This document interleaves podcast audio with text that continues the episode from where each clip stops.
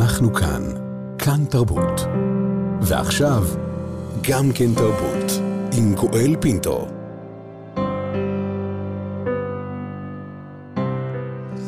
שלום, שלום לכולכם, אנחנו כאן, כאן תרבות, איתכם אה, ביום ה-12 של מלחמת 7 באוקטובר.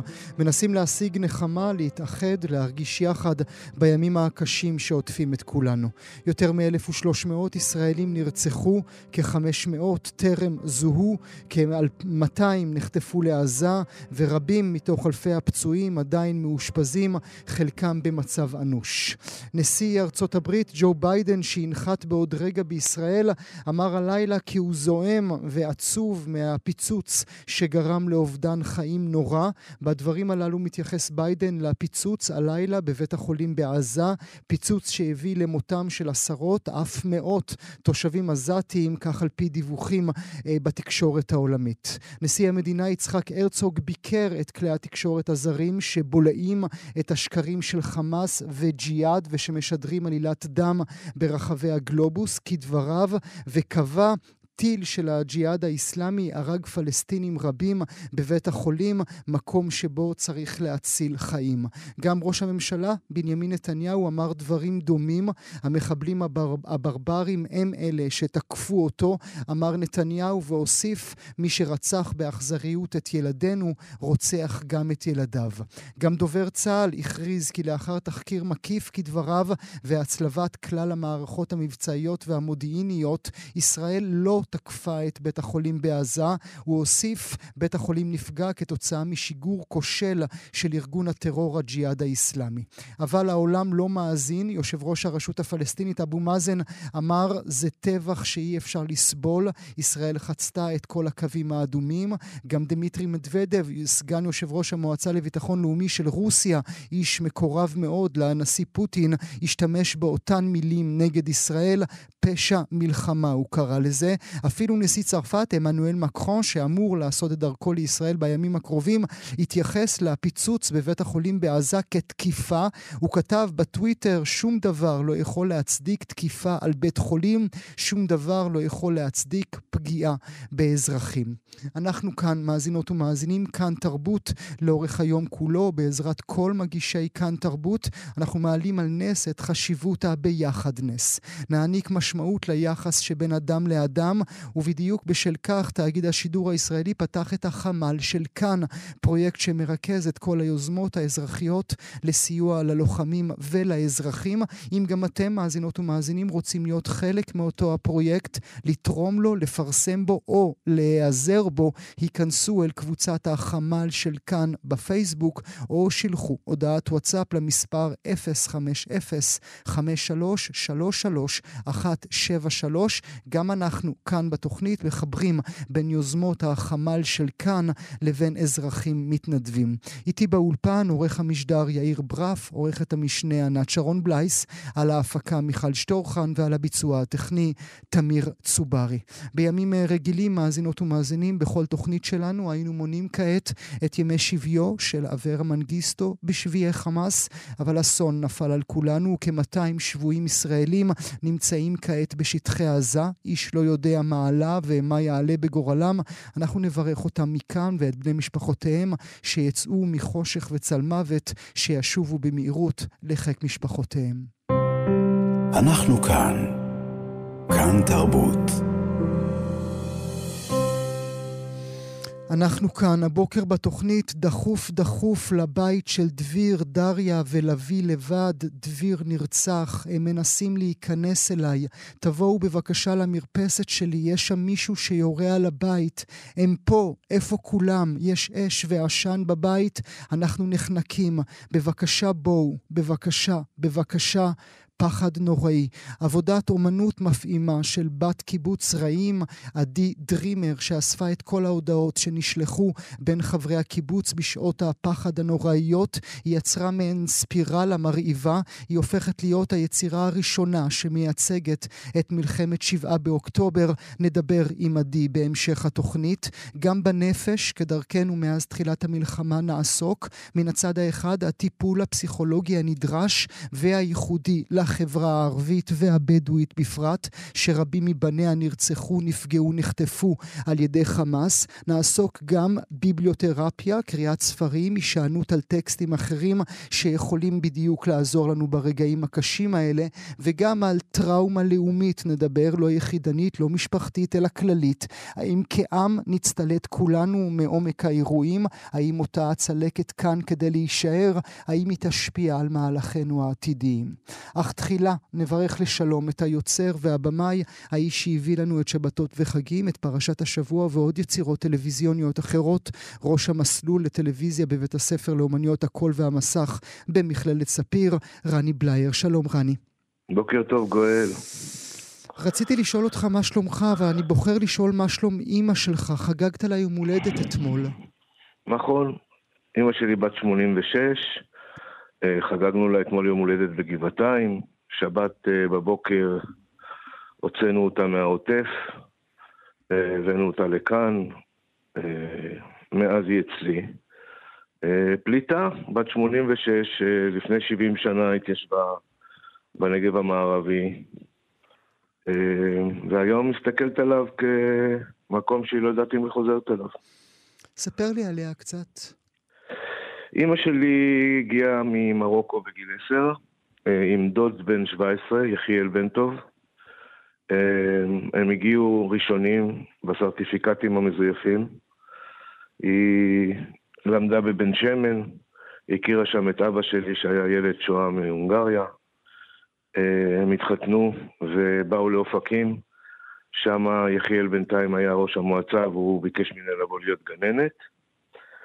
משם הם עברו לנגב המערבי אה, לפני 60 שנה אה, והתיישבו במושב יש"ע. המושב שבעצם מביא את החקלאות הראשונה לנגב המערבי. אבא שלי היה בקבוצה של אנשים אה, מביני חקלאות שניסו ועשו את כל הניסיונות האפשריים לגדל לגדל חקלאות על האדמה הבוגדנית הזאת, בהתחלה לפחות. אמ, זהו, אני גדלתי שם, ווואלה, בשנה האחרונה, בשנת שבתון שהייתה לי מהמכללה, מצאתי את עצמי כותבת אה, סיפורים קצרים אה, על העבר הזה, על הילדות הזאת, על המקום הזה, על הפראות וה, והחופש שהיה בו, בילדות הזאת. אמ, לא, לא חשבתי שזה יהפוך להיות כתבי הספד. כמה אנשים איבדת? אה, שתי בנות דודותיי התאלמנו בלילה אחד. אה, חבר ילדותי גיל אביטל, שגדל ממש לצידי, אה, נהרג.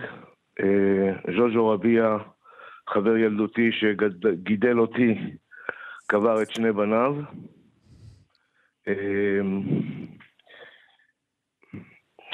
טירוף מוחלט. אני, ובקיבוץ אין לי מושג עוד מה קורה, כל, ה, כל החטופים, אה, הוריי המאמצים בקיבוץ והרבה חטופים אחרים מבוגרים שהכרתי. אין עדיין מה, אי אפשר לדעת מה קרה איתם עוד. אתה מדבר על אה, קיבוץ ניר עוז, אה, כן. שבעצם היה, היה הבית שלך לאורך ילדותך. כן, הייתי ילד אקסטרני כזה, מושבניק פרוע שאי אפשר אה, להשתלט עליו. אימא שלי הייתה גננת, הייתי צריך uh, לעבור לגן חובה אחר. אני חושב שאני הבן אדם היחידי בעולם שזרקו אותו מגן חובה. והגעתי לקיבוץ ניר עוז והייתי שם שש שנים, ואני חושב שכל עיצוב המהות שלי, הדעות שלי, מי שאני, התעצב שם, זה היה קיבוץ של אנשים צעירים מאוד, בני קיבוצים, צברים, בני קיבוצים מהצפון, אה, שהתיישבו והקימו גן עדן קטן עלי אדמות. אנחנו היינו הכיתה הראשונה בקיבוץ, בגלל זה גם היה קל לצרף אותי כי היו מעט ילדים. Mm. אז מה, ילד בן שש כל יום עומד באוטובוס ונוסע מישע ל... ילד, כן, כשילד בן שש קם כל בוקר, נעמד בחוץ ב... על שביל החול, עוד לא היה כביש אפילו. אה, מחכה לניסים הנהג שייקח אותו לקיבוץ. אה, בשש וחצי כבר היה שיעור ראשון, אה, היה שם שיעור ראשון לפני ארוחת בוקר, וחינוך מאוד מאוד מסודר ויסודי. ואז, וככה שש שנים, עד ארבע וחצי הייתי שמה. הרבה מאוד מהתקופות גם ישנתי שם בלילות, היה לי חדר ו, וכל מה שצריך. אה, כי אימא שלי הייתה לפעמים אה, נכנסת לבתי חולים לשמירות הריון וכאלה, אז אה, מצאתי את עצמי שם והפכתי להיות חלק מאוד, זה הפך להיות חלק מאוד מאוד חשוב בחיי. זה היה בית. בית שני לגמרי, היה לי, היה לי הורים שם, יוחקה ועודד, ליפשיץ, כולם אהבו אותי, חיים פרי, שהיה ממש דוד שלי שם, ו... ו, ו ומונדר ואנשים רבים אחרים, אה, שכולם כרגע חטופים, זה 80 איש.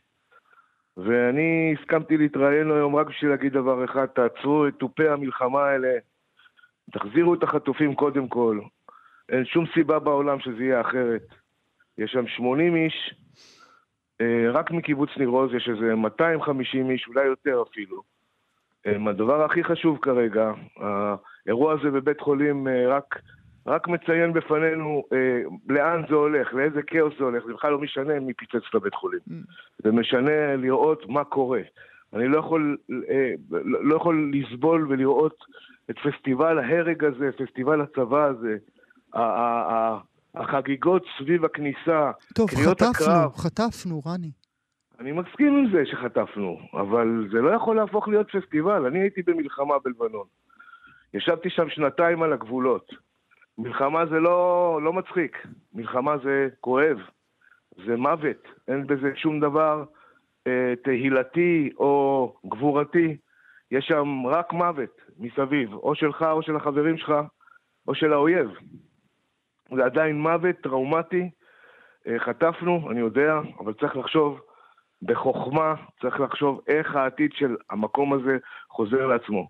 אני אגיד לך מה המשימה הכי חשובה. המשימה הכי חשובה היא שיקום העוטף. אנחנו מדברים על חבל ארץ שנהרס, נכבש וחוסל. רוב האנשים לא בטוחים שהם חוזרים לשם, אנחנו עם 50 אלף פליטים בארץ, mm-hmm. שמפוזרים בבתי מלון במקומות מסביב, ולא יודעים אם הם חוזרים לשם, אין להם את הביטחון העצמי לחזור לשם. הביטחון העצמי לחזור לשם יהיה אם הגבול יהיה בטוח. והגבול יהיה בטוח רק אם משהו רציני וקריטי יקרה. לא שוב אותו סיפור של לשטח את עזה, ושוב להגדיל את החמאס, ושוב לתת כספים לאלה ולאלה. משהו צריך ברצינות לקרות. למשל, שהצבא האמריקאי ייכנס לעזה, יתיישב בעזה, כמו שהוא יודע להתיישב באפגניסטן כשהוא צריך, או בעיראק כשהוא צריך, אה, אה, ויעשה שם סדר, וקודם כל ייתן הרגשת ביטחון לתושבים שצריכים לחזור, והם לא חוזרים לבתים שלהם, כמו כל שבוע, שבוע שבוי שחוזר הביתה. הם חוזרים למקום שהם צריכים להרים אותו מחדש, ולהקים אותו מחדש. זה מיליארדים של דולרים להקים את המקום הזה. וצריך להקים אותו תוך שנתיים. אי אפשר לתת למקום הזה להיות מופקר כמו שהגבול היה מופקר רגע לפני שנכנסו mm-hmm. החמאס. Mm-hmm. והגבול היה מופקר, אני לא הצלחתי להבין... עשרים שנים. מה?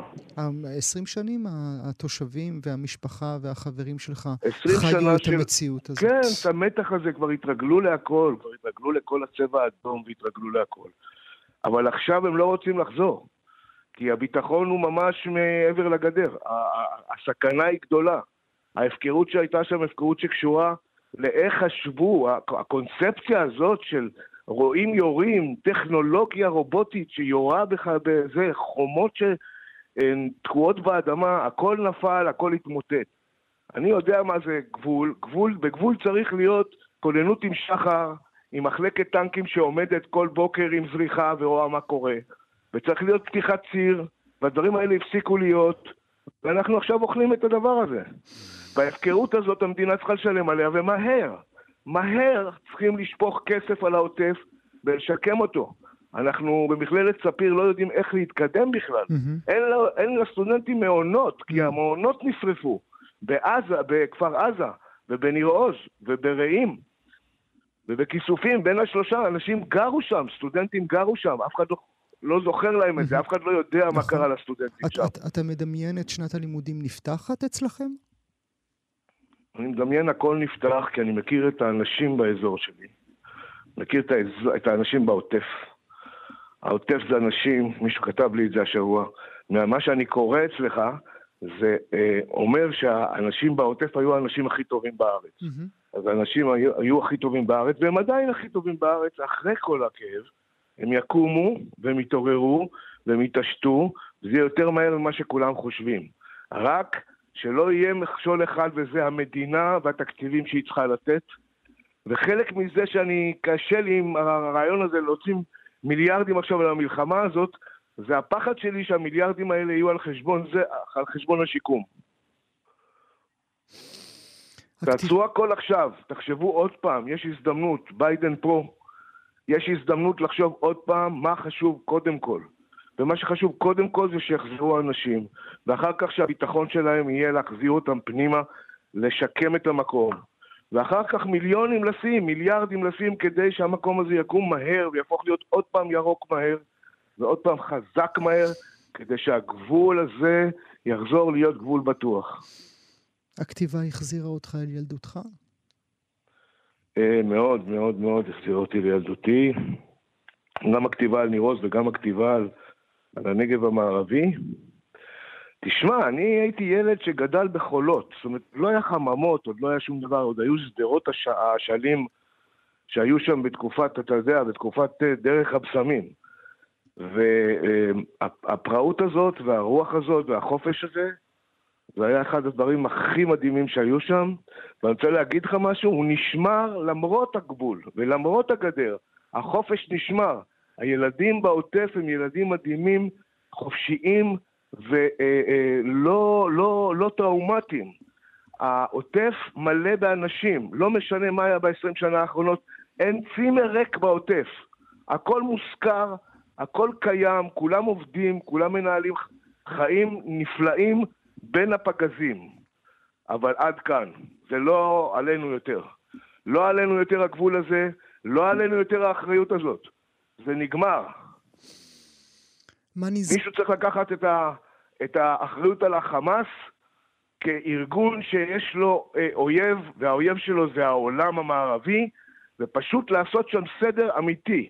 זה לא זה יכול להיות יותר באחריות שלנו. כי אני לא מאמין לאחריות שלנו יותר. סליחה שאני מרוגש ככה. אתה שובר לי את הלב, רני. אמ, מה למדת על עצמך במהלך הכתיבה? אה, שהלב שלי שם, ובשבועיים האחרונים זה התחזק נורא, כי פתאום הסיפורים אה, חטפו איזה זווית אה, מוזרה של, אה, של הספדים, או קצת זיכרונות עם כאב. אה, מה שמדהים עם הסיפור על נירוז, זה ששבוע לפני אה, מה שקרה, היינו ביוון, אסתר ואני, אסתר זוגתי ואני, והיא אמרה לי, מה, מה עוד חסר ב, בספר הסיפורים הזה שאתה כותב? אמרתי לה, הסיפור על ניר עוז, עוד לא הצלחתי לספר אותו. כאילו, אני צריך לחשוב איך אני מספר אותו, דרך מה אני מעביר אותו. ובום. ויום אחרי זה זה קרה והכל יצא החוצה, ויצא עם כאב גדול, ו... ונוסטלגיה, ו... וכל השיט, אבל כאילו, מה שחשוב לי עכשיו זה באמת לגרום לעם ישראל לנסות להבין דבר אחד. מלחמות זה רע. זה רע, זה לא טוב לאף אחד. התוצאות של זה אף פעם לא טובות. תסתכלו על מה קרה לנו בלבנון, פעם ועוד פעם, בסוף אנחנו זוכרים את הכאב. ואם אפשר למנוע אותו רגע לפני, אז בבקשה למנוע אותו רגע לפני. יש פה מנהיגות ש... שעשתה פשלה נוראית, הפקירה אזור שלם, היא צריכה רגע לעצור לפני שהיא מתרגשת ומרימה תופי מלחמה, ולחשוב ברצינות מה העתיד של המקום הזה שנהרס, מופקר, ומה העתיד של החמישים אלף פליטים האלה שגרים עכשיו בכל מיני בתי מלון, ובעוד שבועיים יתחילו להשתגע האנשים האלה, הם יתחילו להשתגע. אנחנו כבר uh, כאן בתוכנית uh, משוחחים רבות עם אותם פליטים עליהם אתה מדבר, ובאמת uh, נפשם, uh, נפשם קרועה לחלוטין. אתה מאמין בכוח של התרבות לעשות משהו, רני? אני מאמין ש... לאנשי תרבות יש אה, לפעמים אה, אנרגיות אופטימיות יותר מלאחרים. התפקיד שלהם באירועים כאלה זה לסחוף את אלה ש, ש, שצריכים גם לעשות ולחזק אותם ולתת להם יד. אתה יודע, פעם, פעם בעבר מלכים התייעצו עם אנשי תרבות לפני שהם התייעצו עם הגנרלים שלהם על מלחמות. הלוואי וזה היה קורה גם היום, ו- והיו מבינים שאנשי תרבות יכולים אה, להעניק פרספק- פרס- פרספקטיבה חזקה, פרספקטיבה חשובה למהלך צבאי מסוכן, שעוד יכול לקחת עלינו עוד... אה, עוד, אה, עוד, עוד, עוד, עוד, עוד שלושת אלפים מתים, אני לא יודע, עוד, עוד חיילים, עוד הורים שכולים. מה זה הקטע הזה? די, תצאו מהסרט הזה, אנחנו באלף השלישי. תמצאו פתרונות אחרים, צחקו שח אחד עם השני, באמת. רני בלר, אהבה גדולה מאיתנו, תודה שהיית איתי הבוקר. תודה גואלי, תודה רבה. אנחנו כאן, מאזינות ומאזינים, כאן תרבות, ביום ה-12 למלחמת שבעה באוקטובר. פנינו כעת אל אופקים. רבות ורבים מבני העיר נטבחו, רבות ורבים מבני העיר לא טופלו, רבות ורבים מבני העיר הפכו פליטים, כמו שאמר לנו רני בלר כעת. נמצא איתנו כעת מי שהקים ומנהל את סינמטק אופקים, במאי הקולנוע נדב משאלי. שלום נדב. שלום גואל, בוקר טוב, מה שלומך? מה שלומך אתה? מה שלום המשפחה? המשפחה בסדר, ככה אה, בתחושות שלא הכרנו אה, מעולם, אה, מה שנקרא עדות ל, ל, ל, לאירוע ממש תנכי בקנה מידה כזה. נורא קשה, אווירה מורכבת, אני מסתובב מבית לבית. היום עם מצלמת הקולנוע, בין היותי יזם תרבות, אני גם uh, עושה נדבר, את המהלך נדבר הזה. על. זה, נדבר על זה ברשותך בעוד רגע, רק כן, אמור לי, אתה ביום עצמו, באותו יום ארור, שבת, שבעה באוקטובר, לא היית בעיר נכון. אופקים, אתה היית ב, אצל ההורים בפתח תקווה, אבל בני משפחה אחרים, חברים, קרובים, היו בעיר? היו עדים להזוועה הזאת? ודאי. קודם כל בני משפחה וגם חברים מאוד טובים שגרים בשכונה עצמה, בלב שכונת התופת הזו שנקראת מישור הגפן. שם הייתה אה, השתרעות והשתלטות מטורפת של אה, פלוגות, פלוגות של מחבלים, ממש קומנדו, אה, חמושים, אה, מוגנים, שנכנסו פשוט לבית, בית, הסתובבתי שם, צילמתי את האזור הזה, זה פשוט אזור מלחמה. רימון אה, נזרק בכל מקום, בתוך מיגוניות אה, מרוח דם.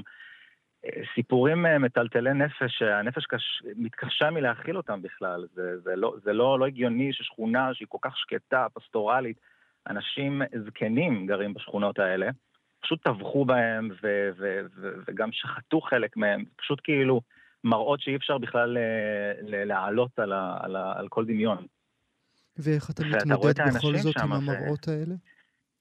תראה, אני די נמנעתי מלהסתכל על כל הסרטונים האלה, סרטוני הזוועה. אסור, ש... אסור, חברים, ממש... אסור, אסור, אל, אל תסתכלו בהם.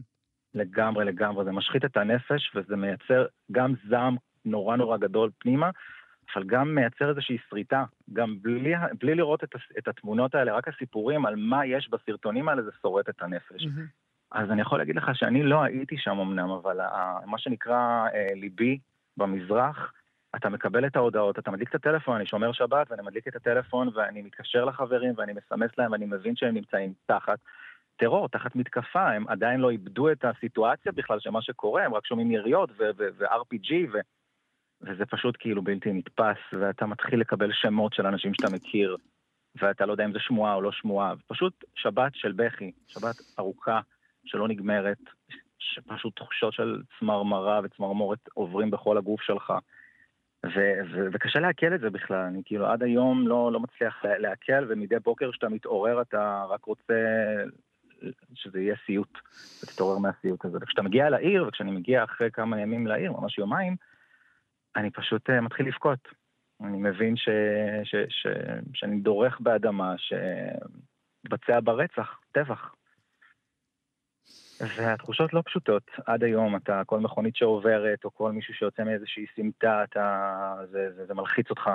אני, אנשים שאתה מדבר איתם בטלפון, אנחנו הקמנו, ראש העיר והמתנ"ס והרווחה הקימו חמ"ל ממש של הפוגות לא פינינו את כל תושבי העיר, אבל אנחנו מפנים אותם למלונות, לתת להם איזשהו מרגוע, איזה קצת נחת. כן, אבל, לא אבל, אבל גם, גם דובר רבות, נדב, אודות אותם אזרחיות ואזרחים אה, גיבורים המתגוררים נכון. באופקים, שלא קיבלו את המענה אה, שהם אה, היו זקוקים לו. איך אתה מתוך השטח עצמו מרגיש אל מול האמירה הזאת? אז תראה, אני חייב להגיד שאני קצת בדיסוננס מול האמירה הזאת. כמובן שאני מניח שעוד משרדי ממשלה עושים ויעשו ומוכרחים לעשות את העבודה שלהם. וכל שאננות בעניין הזה היא פשוט, היא פשוט עוולה.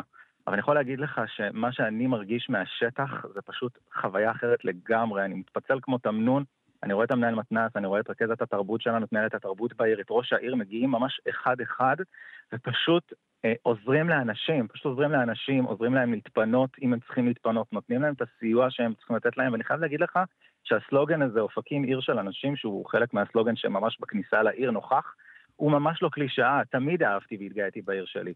אני חי בעיר שלי, הקמתי קולנוע בעיר שלי, אני מאוד מאוד גאה בעיר שלי.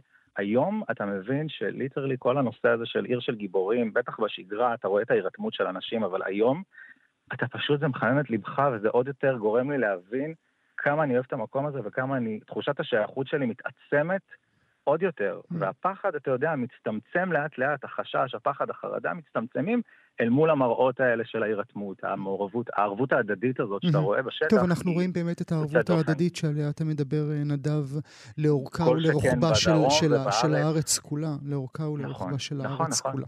נכון. אני רוצה שנדבר אה, מעט אה, בעיניך על תפקידו של, תפקידה של התרבות ותפקידו של כן. הקולנוע בפרט, mm-hmm. שזה הכלי שלך. אני רק לפני כן, אם, אם תרשה לי, אה, לא יודע אם תרשה לי, אבל אני אקח את הרשות בעצמי, אני רוצה להתגאות בך. כי אה, רק לפני רגע ממש זכית בתואר גיבור השנה על ההקמה של הסינמטק החברתי באופקים במסגרת מיזם קשת 12 ומפעל הפיס, באמת זכייה מרהיבה. אתה, אתה הרגשת שההקמה הזו של פרויקט הקולנוע באופקים אה, נתן משהו לתושבים, לאזרחים שלא היה להם קודם? חד משמעית כן. יכול להגיד לך שאני גדלתי רק על זיכרונות של קולנוע בעיר, וכשהייתי ילד או נער הייתי יוצא החוצה, והזיכרונות האלה כל כך בעבעו בתוכי, mm. והם שהביאו אותי גם לאהוב mm. קולנוע וללמוד קולנוע, תואר ראשון ושני בספיר, ובדיוק דיברת עם רני בלר, וגם mm. יש לי מה לומר על מה שהוא אומר על תרבות. ו- וה- והיום, אתה יודע, כשהקולנוע הוקם, ואז אתה מבין מה יהיה, איך, איך הוא יעבוד ומה יהיה המבנה שלו, אתה מבין שהוא הכרחי, כמו שיש מוסד שנותן שירותי רווחה, מבחינתי המוסד הזה שנקרא קולנוע או תיאטרון או מה שזה לא יהיה, הם פשוט הכרחיים, אתה רואה את זה מהתגובות של האנשים, מזה שהם אומרים לך תודה שהבאת את הסרט הזה, זה סרטים שהם לא היו זוכים לראות אותם, במאים, במאיות שהם מגיעים לכאן מרחוק, עוברים פה איזושהי חוויה חוץ גופית ממש, אה, במפגש שלהם עם האנשים של המקום, אבל בטח מפגש של יצירה. אה, עם קהל פה היא יוצאת דופן, וזה הערך המוסף גם של המקום, שהוא מפגיש בין אנשים כל כך שונים, מהקיבוצים אגב, מאותם קיבוצים של מועצה אזורית אשכול ומרחבים, שאני מכיר את חלקם שהיו מגיעים אלינו, ואני מדבר איתך עם המון אמוציות, וגם חברים טובים שהלכו לנו.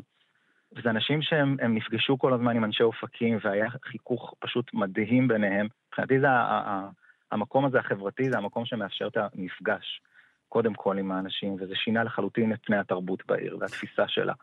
אה, ותשמע, שבע שנים להחזיק מקום כזה, הם לא באו, הם ישבו כל ערב, הם, הם צפו uh, ב- בסרטים uh, איטלקיים בדיוק. ישנים uh, משנות ה-40? גם כאלה, גם רטרוספקטיבות, גם קולנוע תיעודי חדש מדוק אביב, וגם פסטיבל קולנוע דרום, פסטיבל קולנוע דרום המדהים שאנחנו בשיתוף פעולה איתו כל כך הרבה שנים. הם חלק מה, מה, מהשיתופי פעולה שלנו. זה כל הזמן נצמד לשיתופי פעולה עם, ה, עם הארגונים והגופים בעיר, כי אתה מבין שאי אפשר בלי זה. כלומר, זה לא יכול להיות איזושהי תרבות שמונחתת עלינו מבחוץ ומגיעה mm, ככה mm, באופן תלוש. זה אף פעם לא מצליח כשזה מונחת. זה אף פעם לא מצליח, בדיוק. וכאן נוצרה איזשהו מנגנון כזה תרבותי, קולנועי, שהוא בין סדנאות קולנוע, גם לילדים, אבל גם למבוגרים, שהם פוגשים את זה, והרפלקציה של, של אותם אנשים ודמויות מהעיר על המסך, mm. והשיח, המפגש, המעגל שיח הזה אחרי הקרנה הוא פשוט פרייסלס. וזה משהו שאני נורא מאמין בו. ודבר נוסף שאתה עושה, ובאמת אה, בא לי לשאול אותך מאיפה האומץ, כי צריך אומץ לקחת מצלמה ולהיכנס אל אותם בתי אבלים, אה, עכשיו, האבלים אה, באופקים, ולהעמיד את המצלמה מולם ולבקש מהם, כשהגופות עוד מונחות לפנינו, אה, לדבר אליך, אל המצלמה שלך. אני חייב לומר לך שלקח לי הרבה זמן להגיע ללוויות, פשוט היו לוויות בכמויות מטורפות של אנשים ברחבי העיר, ולאחת הלוויות שהגעתי היא של אח של חבר מאוד טוב שלמד איתי בתיכון. אמ, זאת לוויה מאוד קשה, בחור בן 28 שנרצח כשהוא הציל את כל המשפחה שלו והוציא אותם מהחלון של הבית, קוראים לו אריאל ביליה, זיכרונו לברכה. ו- וממש יום-יומיים אחרי הלוויה אני מקבל טלפון מהאח שלו שלמד איתי בתיכון, והוא יודע שאני עושה סרטים ויוצר קולנוע, והוא מדבר איתי על צו השעה ועל זה שהמקום עוד חם ובוער והיריות עוד uh, בשערים של האנשים והמכוניות עוד ירויות. ואז אני מקבל איזושהי זריקת הערה מאוד מאוד חזקה, כי על לפתוח את התיק של המצלמה ולהרים אותה, כן, בשבילי זה כן. סוג של נשק, והרגשתי פחד וחשש מאוד גדול לעשות את זה. אני חייב להגיד לך שבשיח איתו הבנתי שיש משהו שהוא תרפויטי גם, בצילום אל מושג צילום שלך. כי הם רוצים להישמע? כי הם רוצים נכון, ל- נכון. להיות מתועדים? כן, התחושה היא שאתה מחזיק מצלמה בסיטואציות שמעולם לא החזקת. זאת אומרת, אם זה בלוויה, או אם זה במשפחה אבלה, להרים פתאום מצלמה זה אקט כל כך לא טבעי, בטח לי. אפילו קצת ואני... אלים במידה מסוימת. כן, כן, ואני חייב לומר שמשהו במצלמה, יחד עם הידיים שלי ואיתי היה אורגני, כי הרגשתי שזה כלי, כלי מנחם, והרגשתי שאני קודם כל בא לנחם. אני לא בא לכוון עדשה מול הפרצוף של הבן אדם ולהגיד לו אני בא כעיתונאי או כקולנוען, ממש לא. אני mm. גם לא בא באיזושהי אה, אמירה שאני עושה סרט. אני בא כי אני אומר, אני רוצה את הסיפור, אני רוצה את הסיפור המצחיק. אני רוצה אני לשמוע רוצה... מכם. אני רוצה לשמוע מכם, בדיוק, וזה מה שקורה, אתה מעמיד את המצלמה ופתאום נוצרת איזושהי, אתה יודע, אני תמיד מתעסק בקולנוע עלילתי ברוב, ברוב העשייה שלי. וההתעסקות הזאת עם, עם, עם אנשים אמיתיים היא משהו שתמיד היה לי איזשהו, איזושהי יראת כבוד נורא גדולה אליו. אה, בטח לסיפור עצמו ולמרחב שאתה נוכח בו. אבל הרגשתי שיש משהו בכלי הזה שהוא פשוט הופך להיות חלק ממני, כלי מנחם, ממש ככה. אני רואה עכשיו אה, ידיעה שמגיעה אלינו שמעלה בי חיוך. אפרופו mm-hmm. אופקים, ירון אברהם מקשת 12 מדווח yeah. עכשיו שנשיא ארצות הברית, ביידן, יפגוש היום את רחל שלכם, את רחל אדרי מאופקים, וואו. שהפכה כן. לגיבורה, המלכה, לגיבורה של... אה, המלכה שלנו. רחל מדהימה, מדהימה, אין דברים כאלה, היא פשוט אישה, ההורים שלי מכירים אותה באופן אישי, את הילדים שלה אנחנו מכירים, אני מכיר השכונה הזאת, אתה יודע איפה שהיא גרה, זה פשוט uh, מטורף. וזה לא הפתיע אותנו שרחל תהיה אישה שבעת uh, אפילו כזו כן. uh, תצליח להוציא מזה את ה-the best. תעניק את העוגיות כדי שיתפסו אותם. ממש, היא הפכה לאייקון, תשמע, כן, היא כן. ממש... אתה יודע שקירות תל אביב מלאים בפנים של רחל, רחל אדרי מאופקים. התחלתי לקבל כל מיני תמונות כאלה של אנשים שקעקעו אפילו קעקוע שלה ויצרו עוגיות קטנות כאלה mm. עם הדמות שלה. זה באמת סיפורים שבתוך כל התופת הזאת והכאוס הזה אתה, אתה מתרפק עליהם, כי יש פה גבורה של אישה שהיא השעתה אה, מחבלים במשך שעות ארוכות בבית שלה. שאלמלא היא הייתה עושה אולי את המהלך הזה, היו רוצחים אותה וממשיכים הלאה. כמובן, אותה ואת אה, בעלה, צריך לומר, הוא היה יחד איתה בכל אותו זמן. ואת בעלה שהיה איתה לחלוטין, אישה גיבורה ומדהימה. אולי מילה לסיום שלך, נדב, רצית לומר משהו אפרופו כן. דבריו של רני בלר אה, על מקום התרבות. קודם כל, גם בעקבות הדברים של רני בלר, אבל קודם כל אני, אני אפתח בזה שאני אגיד שזו צו השעה למשרדי הממשלה, גם משרד התרבות וגם משרדי האוצר והרווחה, לתת לנו גם את הביטחון הזה, לאו דווקא הביטחון הצבאי שהוא חשוב, ואני סומך על החיילים שלנו, אבל גם הביטחון הזה והרווחה הזאת להשתקם, כי גם ביום שאחרי המלחמה אנחנו נזדקק לזה לא רק כתושבים, אלא גם כמובילי מוסדות תרבות בעיר, כרשויות. אנחנו נצטרך את החיזוק הזה מהרשויות ומהממשלה. ואני רוצה להגיד בעקבות הדברים של רני בלר, שהוא קודם כל, הוא מנטור שלי, רני במכללת ספיר, ואני מאוד אוהב אותו והוא יקר לליבי. אני חושב שהוא צודק, זה מעבר לצו השעה. אני חושב שאנחנו כאנשי רוח, כאנשים שמתעסקים בדבר הזה, צריכים להבין שזה לא פחות מחרבות ברזל. אנשים משוועים לזה, אני רואה את זה כשאני מסתובב במקלטים ומקרין לילדים סרטים. אני מרגיש את הטראומה אצל ההורים אה, מהיום הזה שהם, שהם חוו פה בעיר אופקים, mm-hmm. אפילו שהם רק שמעו יריות. ואני mm-hmm. חושב שלנו יש... פשוט את התפקיד הכי חשוב בעולם בשלב הזה, mm-hmm. בהפוגה, ואני גם חלק מפורום קואליציית הנגב, שחשוב לי להגיד שהם באמת עושים ימים כלילות. גם המחלקת תרבות שלנו בעיר והרשות באמת עושים ימים כלילות כדי שיהיה כל יום אה, ממש טבלה מלאה בפעילויות מהבוקר ועד אחר הצהריים. כי זה, כי זה האוויר, זה הרוח. זה האוויר, זה האוויר, וזה כל כך משמח אותי, אה, גואל, להיות היום דרומי, יותר מתמיד, יותר מתמיד, פשוט ככה. אז uh, לאופקים שלנו, לאופקאי שלנו, הבמאי uh, נדב משאלי, אהבה גדולה מאיתנו. תודה, תודה שהיית איתי הבוקר. תודה לך, תודה רבה רבה. לרגל המצב הקמנו את החמ"ל של כאן, המקום שמרכז בעבורכם ובעבור יקיריכם את כל היוזמות האזרחיות לסיוע ללוחמים ולאזרחים. אירוח לתושבי הדרום והצפון, חלוקת מזון, חיפוש יקירים, או רק לפרוק את מה שעל לבכם. לפרסום ולאיתור יוזמות, הצטרפו עכשיו לקבוצת החמ"ל של כאן בפייסבוק, או מצאו אותנו באתר וביישומון כאן. אנחנו כאן. אנחנו כאן, מאזינות ומאזינים, כמו ששמעתם, תאגיד השידור הישראלי פתח את החמ"ל של כאן, פרויקט שמרכז את כל היוזמות האזרחיות לסיוע ללוחמים ולאזרחים. כאן, כמו שאנחנו אומרים כבר אה, שבועיים מאז היומה הראשון של המלחמה, אם אתם רוצים להיות חלק מהפרויקט, לתרום לו, לפרסם או להיעזר בו, כל מה שאתם צריכים זה להיכנס אל קבוצת החמ"ל של כאן בפייסבוק. אקרא עבורכם מעט מן הידיעות שהגיעו אל תוך uh, הקבוצה. אנחנו רואים שבאזור הרי ירושלים, עם מלון צובע ובמצוקי דרגות בים המלח יש קבוצה של ילדים עם צרכים מיוחדים במתקני קליטה ממפוני הדרום, וכותבים לנו כאן בחמ"ל של כאן שזקוקים בדחיפות למתנדבים, מורים ומטפלים בזיקה לחינוך מיוחד בתחומים כמו תקשורת, עיכוב התפתחותי, מוגבלות שכלית התפתחותית, מוגבלות פיזית ועוד. הם משאירים מספר טלפון אה, תמר 054 76 486 אני חוזר, 054-7638-486, אם אתם אה, מומחים בטיפול בילדים עם צרכים אה, מיוחדים.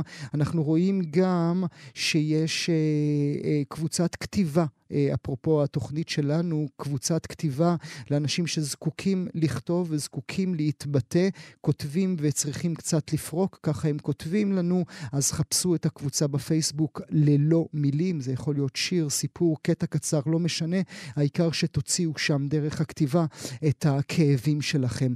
ועוד הודעה נוספת שאנחנו רואים כאן, זה שמשה גיאת מארגן בר מצווה בכותל לילדי עוטף עזה. זו ידיעה שריגשה אותי במיוחד. המספר טלפון היה נשמע לי מוכר, 050-5367-452,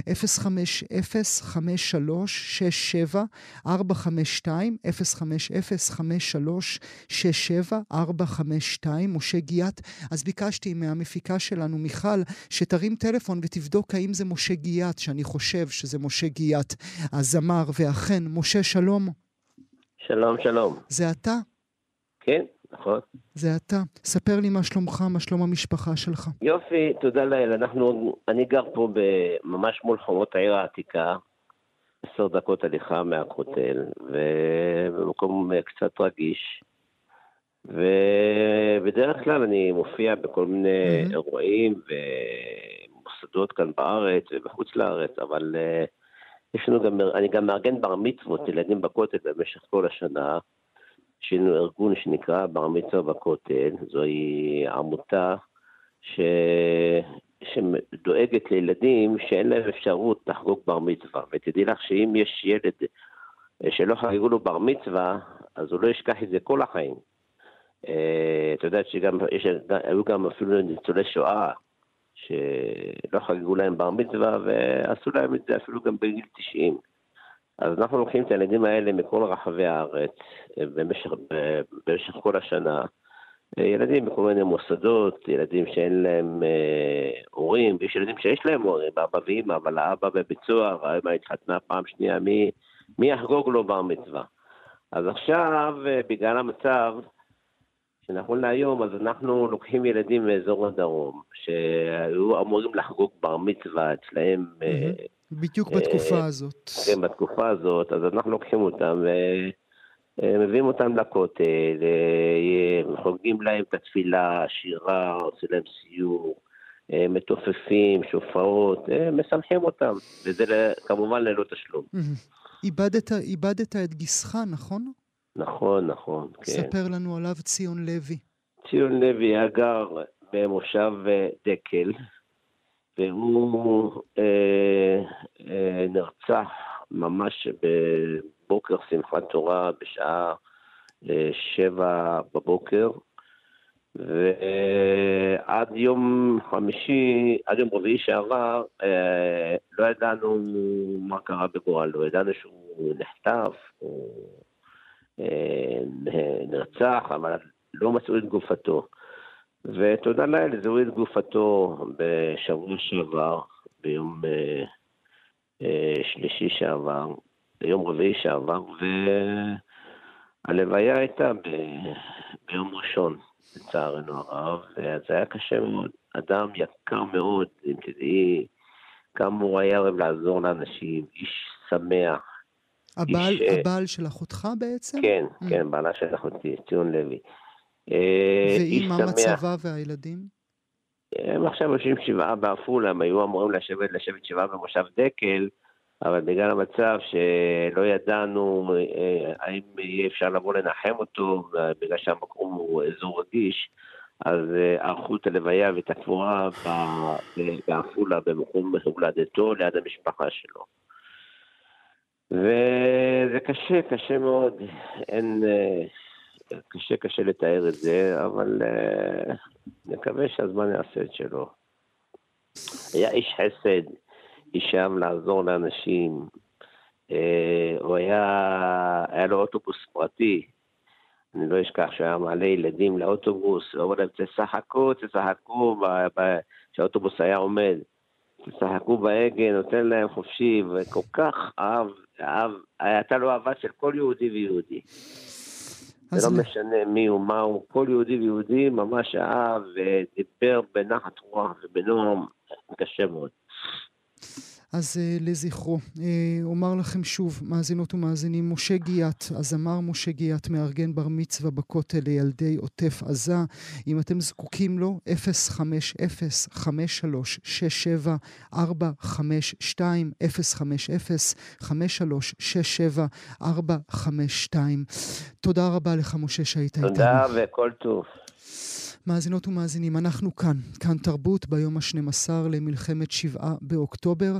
נשאל כעת כיצד ביבליותרפיה, קריאת ספרים, הישענות על טקסטים אחרים, יכולה לעזור לנו דווקא ברגעים הקשים הללו. הדוקטור רחל צורן היא ביבליותרפיסטית, ראש מסלול הכשרה מקצועית ביבליותרפיה, הפקולטה לחינוך, אוניברסיטת חיפה. שלום לך. שלום. אה, אני רק רוצה לתקן שאני ראש אה, התוכנית לשעבר, אני עכשיו אה, גמלאית. אז הנה, תיקנו ואנחנו מודים לך על כך. אמרי לנו, אם מדוע... אם אפשר קצת אה, יותר בקול רם, אני לא שומעת טוב. אז הנה, אני אבקש מתמיר שיגביר אותי עבורך. מדוע הדבר הזה חשוב בעינייך בדיוק בזמן הזה? קודם כל, אני חושבת שהוא חשוב בכל זמן. אבל בזמן הזה, אני חושבת שהדבר שהכי... אנחנו שומעים מפי אנשים בתגובה לטראומה הנוראית שאנחנו עוברים, זה את המילים אין מילים. Mm. ובמובן מסוים אפשר להגיד שהטיפול הביבלותרפי מציע אה, שיח דרך מילים אלטרנטיביות שהן המילים אה, של הטקסט הספרותי. מילים של אנשים לא... אחרים, מילים שאינם של... מילים של אנשים אחרים, שאינם שלנו. לא, לא בהכרח, זאת אומרת, גם אה, לפעמים אה, המטופל בעצמו כותב את המילים האלה, אבל עדיין, אחרי שהוא כותב אותם, הוא הופך להיות הקורא שלהם. זאת אומרת, הוא מבנה את הסיפור שלו דרך פעולת הכתיבה, שממילא מחייבת... אה, לא בהכרח כתיבה ספרותית, אבל כשאמרתי את הדברים קודם, התכוונתי קודם כל באמת אה, למילים של אחרים, אבל לא רק מילים של אחרים, כי הרי אנחנו מוצפים במילים של אחרים, אנחנו מוצפים בתקשורת, בפרשנויות, בתיאורים, אנחנו מוצפים בשיחות בין חברים על המצב, על מה שקרה, כלומר, אנחנו רוויי מילים. אחרי הפתיחה של אין מילים, אנחנו מקבלים אין סוף מילים והרבה מאוד פעמים לפחות בחוויה שלי אלה מילים ש... שלא מאפשרות אה, להתכנס בתוך, ה... בתוך החוויה. Mm. לעומת זאת, המילים בטקסט הספרותי הם אה, מילים בתוך מבנה אומנותי. ואם אנחנו באמת נשענים על טקסטים אחרים כדי לארגן את המחשבות שלנו עצמנו, איזה מין טקסט כדאי שנבחר? אה, אתה יודע, הבוקר אני קראתי מאמר שהתפרסם בהארץ, שכל מבקרי הספרות של הארץ, כל אחד מהם ממליץ מה כדאי לקרוא. וחשבתי שזו דוגמה מצוינת לראות כמה אי אפשר לענות על השאלה הזאת באופן קולקטיבי. כי כל אחד בחר את הטקסט שמבחינתו עונה לצרכים שלו mm, בעת הזאת. שלו אישית, כן. שלו אישית, והצרכים הם שונים. יש כאלה שמחפשים בריחה, יש כאלה שמחפשים, אה, אה, נגיד, אה, לגעת בבשר החי, mm-hmm. יש כאלה שמחפשים נחמה. כלומר, יש uh, צרכים שונים, זה מאוד מעניין, אני מאוד ממליצה לקרוא את הרשימה הזאת. ואיך את כמטפלת מזהה את הצורך של האדם שמולך? האם הוא זקוק לנחמה, האם הוא זקוק לבריחה, או האם הוא, צר... האם הוא זקוק לגעת בבשר החי? Uh, פה בדיוק נכנס, נכנס העניין של שיקול הדעת הטיפולי שלי. ש... ולכן אני גם נקודת המוצא לכל טיפול אה, בעיניי, גם אם הוא קבוצתי וגם אם הוא אישי, זה לזהות את הצרכים של המטופל ולהיות מספיק עדינים כדי לא להלביש עליו דברים ש... שהוא לא בשל להם. יחד עם זאת, באופן עקרוני אני יכולה להגיד שהעובדה שהמילים האלה מגולמות בתוך טקסט ספרותי הוא מעין, אה, הוא מעין כוח עזר שלי. זאת mm-hmm. אומרת, אני קוראת לטקסט שנוכח בתוך הדיאלוג הביבליוטרפי קול שלישי, שהוא הקול של הטקסט. Mm-hmm. עכשיו, בדרך כלל בכל אה, זה, סיטואציה... זה, זה, קצת, זה קצת סוג של, אה, אם, אם אני לוקח את זה אל עולמות מטאפוריים שנכונים לי כאדם, לא כמראיין, זה הקו עליו את מדברת, זה, ה, זה ה, ה, הדבר עליו אני נשען. כן, אבל זה לא רק הישענות, הישענות.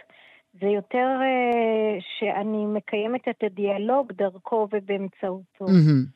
זאת אומרת, זה לא משהו שנמצא ברקע. למשל, הרבה פעמים אנשים בנאומים שלהם uh, משתמשים בטקסטים ספרותיים כדי uh, לקשט במרכאות את וגם האמירה... וגם כדי להיראות חכמים, לא... לא, uh, לא... זה גם נכון, אבל אני מדברת דווקא על איזשהו צורך uh, אנושי לדעתי לגיטימי לגמרי אה, לתת למישהו אחר לומר את הדבר. אבל, אבל הוא לא מקיים את הדיאלוג עם mm-hmm. הטקסט. אבל אם אני מחפש את הרפואה, אם אני מחפש את הנחמה, זה לא אומר שבהכרח אני צריך ללכת אל טקסטים אה, בסגנון ממוארי, זאת אומרת להישען על ניסיון אה, ספציפי של אדם אחר שחווה חוויה דומה לזו שאני מרגיש כעת? אה, ממש לא. ממש לא. זאת אומרת, יכול להיות שיש אנשים שזקוקים אה, ל... לדיבור הישיר הזה ולהגיד, יש עוד אנשים כמוני, וזה בסדר גמור. אבל uh, ממואר זאת סוגה ספרותית ככה גבולית מהבחינה הזאת. אבל דווקא עיבוד אמנותי של חוויה, נגיד, טראומטית, יכולה הרבה יותר uh, לאפשר לי כמי שחווה את זה באופן אישי, דרגות חופש להתחבר אל החוויה שלי לא דרך האירועים הספציפיים, אלא דרך הלכי הרוח. Mm. Mm. וזה בעצם האיכות המיוחדת של הספרות. מעניין. אני, אני, אני עוד רגע אציק לך, ברשותך, אה, ואשאל אותך שאלה פרטית אישית. מה לקרוא כאשר אגיע הביתה אחרי השידור, אה, כדי לשחרר קצת, כי אני, אני על הסף. אני, אני ממש מרגיש על הסף. אבל עוד לפני כן אשאל אותך, האם כל מה שאמרת עד כה נכון גם לילדים? אה... קודם כל באופן כללי כן, אבל פה אני הייתי באמת רוצה לסייג שיש עם ילדים, בכלל בטיפול בילדים, אנחנו לא נוהגים אה, לפנות באופן ישיר אל הבעיה. וילדים הרבה פעמים אה, זוכים לטיפול דרך משחק ומביעים נגיד את הסיפור שלהם דרך ארגז החול למשל.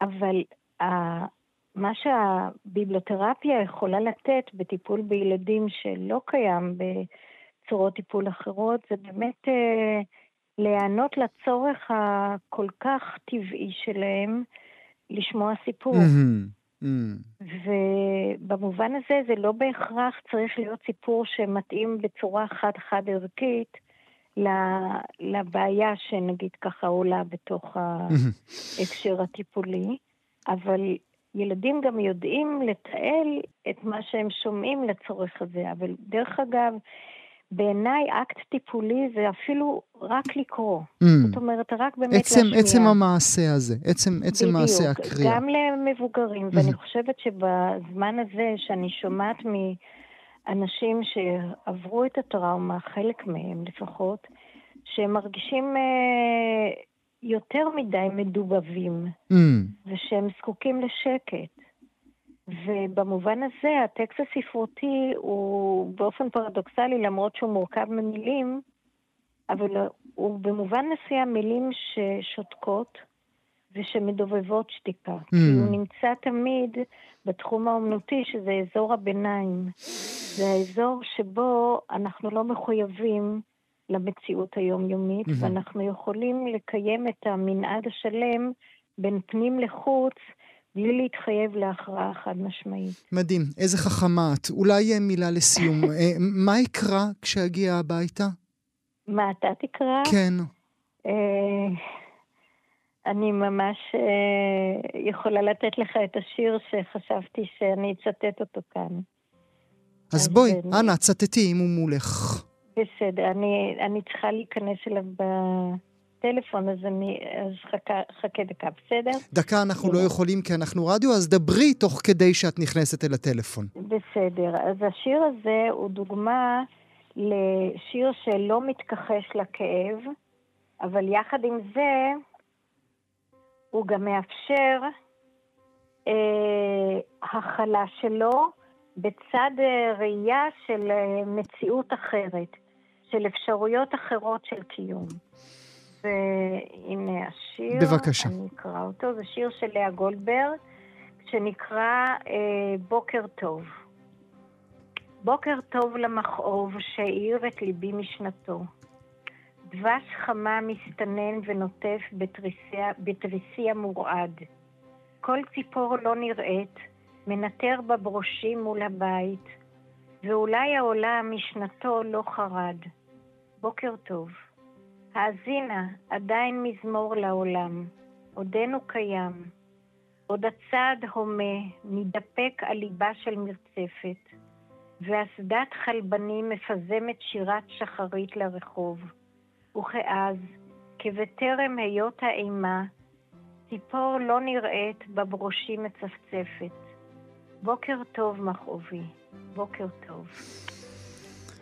כמה שזה יפה. נגיד גם לך, בוקר טוב, הדוקטור רחל צורן, תודה רבה שהיית איתי הבוקר. תודה רבה לך. והנה מאזינות ומאזינים, אתן שומעות ושומעים את הצלילים, הצלילים האמורים על סיומה של השעה הראשונה. הנשיא ביידן ברגע זה ממש נוחת בישראל. איירפורס 1 הגיע אל אה, שטחי ישראל. עוד רגע אנחנו נראה אותו יורד אה, מן המדרגות. אנחנו... כאן תרבות. אנחנו כאן, כאן תרבות, אה, כמו שאנחנו מזכירים לכם כבר ימים ארוכים, תאגיד השידור הישראלי פתח את החמ"ל של כאן, פרויקט אה, מאוד מאוד קרוב לליבנו, שמרכז את כל היוזמות האזרחיות לסיוע ללוחמים ולאזרחים. אנחנו שוב חוזרים ואומרים, אם אתן רוצות להיות חלק מהפרויקט, לתרום לו, לפרסם או להיעזר בו, היכנסו אל החמ"ל של כאן בפייסבוק, או שלחו הודעת וואטסאפ למספר 050 5333 73. גם אנחנו כאן בתוכנית מחברים בין יוזמות החמ"ל של כאן לבין אזרחים מתנדבים. אנחנו כאן, מאזינות ומאזינים, משדר מיוחד של כאן תרבות לציון היום ה-12 של מלחמת שבעה באוקטובר. אקרא לכם uh, כעת משהו uh, ששבר את ליבי עד מאוד. דחוף דחוף לבית של דביר, דריה ולוי לבד, דביר נרצח. הם מנסים להיכנס אליי. תבואו בבקשה למרפסת שלי, יש שם מישהו שיורה על הבית. הם פה. איפה כולם? יש אש ועשן בבית, אנחנו נחנקים. בבקשה בואו, בבקשה, בבקשה. פחד נוראי. עבודת אה, אומנות מפעימה של בת קיבוץ רעים, עדי דרימר, שאספה את כל ההודעות שנשלחו בין חברי הקיבוץ בשעות הפחד הנוראיות, ויצרה מכולם מין סוג של ספירלה של מילים, ספירלה מרהיבה שאתה לא יכול שלא לשקוע, לצלול אל תוכה, והיא במידה רבה הופכת ליצירה הראשונה שמייצגת את מלחמת שבעה באוקטובר. עדי דרימר איתי עכשיו. שלום עדי. שלום. שברת לי את הלב. אה, כן, האמת שזה... אני לא יכולה לקרוא את הטקסט הזה כבר עכשיו, זה שבר גם לי את הלב. אה, אני חושבת שכתבתי אותו פשוט בשביל להוציא את זה ממני. את, ה... את רגעי החרדה האלה. וידעת שאותם רגעי חרדה ידברו את הרגע ממש, שיהפכו ליצירת אומנות שמתגלגלת לה בכל מקום אפשרי? לא, ממש ממש לא. אה, זה היה כאילו כמו טיפול בשבילי. רציתי להוציא את זה, ואתה יודע, צילמתי ושלחתי. ממש, ממש לא חשבתי שזה יעשה כאלה גלים. עוד רגע, אם אה, תרשי לי, עדי, אשאל אותך על הרגעים האלה, אבל אני רוצה עוד לפני כן, ברשותך, לדבר על רגעי הכתיבה. מתי את מחליטה לקחת את הדף והעט? אמ, ביום שישי אה, היה לנו, שבוע שעבר, היה, היה לנו, לא שבוע, היה, היה לנו טיפול באומנות, זאת אומרת לכמה מבוגרים שרצו. ו... שאת העברת? לא, לא, לא. Mm-hmm. לא. אה, מישהי שקוראים לה עדי, הייתה מאוד נחמדה. אמ, ואז התחלתי, חשבתי על הספירלה. ובשבת בבוקר קמתי, בדיוק שבוע אחרי, וזהו, וזה יצא על הדף. ואת יושבת עם מכשיר הטלפון שלך ומעתיקה הודעה, הודעה, וכותבת כמעשה אינסופי שכזה? כן. וכתבתי רק אה, אה, שעה ועשרים, שעה וחצי הראשונות, ואז נגמר לי הדף. Mm. ו... וכשנגמרה הספירלה, מה עושים? אז זהו, חשבתי אם להמשיך או לא להמשיך. אמ, החלטתי בסוף לא להמשיך, פשוט אה, כאילו זהו. משהו הצליח, זה, זה עזר לי. Mm, זה ניכר אותך? כן, כן, זה עזר לי לה... אה, להרגיש קצת יותר טוב. את uh, מורה לאומנות, את יודעת מה זה עושה לנו, לצופים ביצירה? אמ, מניחה שזה אה, מזעזע אה, את כולם. אמ, אני לא יודעת אם... אני הרגשתי סוג של חנק בספירלה הזאת. אמ, אני לא... חנק. אני, לא אני חושב שאת צודקת. אני חושב שאת צודקת, זו, זו המילה. זו המילה שצריך uh, לבחור uh, מבין כל המילים כולם, בוודאי בימים שאנחנו נטולי uh, מילים uh, לחלוטין. מה היה, מתי את מבינה ברעים שהאסון מגיע? אמ, אני חושבת, לא, מההודעה הראשונה. אני חושבת שזה דחוף דחוף את הצבא, אני כבר לא זוכרת מה הייתה ההודעה הראשונה. אמ, ואז יש לי פצוע בחדר, ואתה יודע, זה קיבוץ קטן, כולם מכירים את כולם. כל מי שכותב, אנחנו יודעים מי זה, ואני יודעת איפה הוא גר.